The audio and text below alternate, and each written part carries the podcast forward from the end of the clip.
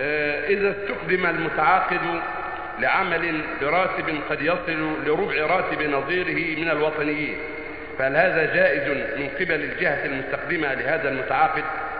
وهل يجوز أن يعمل ذلك المتعاقد عملا إضافيا بعد إتمامه العمل الذي استخدم من أجله براتب قد يعينه على المعيشة لضعف راتبه الأساسي إضافة لكثرة أعبائه؟ الأجور على حسب الشروط. المسلمون على شروطهم. يجوز أن يستخدم واحد بألف وواحد بمئتين. مو بشرط أنها تساوى. وليس الناس في الخبرة ولا في الفهم ولا في القدرة سواء فالعمال يختلفون والموظفون يختلفون. فهم على ما استخدموا عليه. فإذا استخدمهم على خمسمائة واستخدم آخرين على ألف وش المانع؟ المسلمون على شروطهم. ما ظلمهم جاءوا باختيارهم.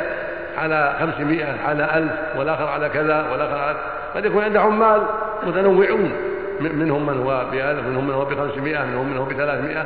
فليس في هذا حرج المهم أنه يكون بالرضا والاتفاق والشروط المسبقة حتى لا يقدم إلا على بسيط وليس من شرط ذلك يكونوا سواء في الأجر.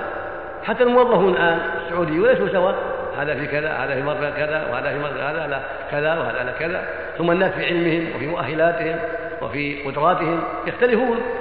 هكذا المستخدمون يختلفون في في معلوماتهم وفي قدراتهم وفي مؤهلاتهم فليسوا على حد سواء والعمدة في هذا هو الاتفاق والشروط المسلمون على شروطهم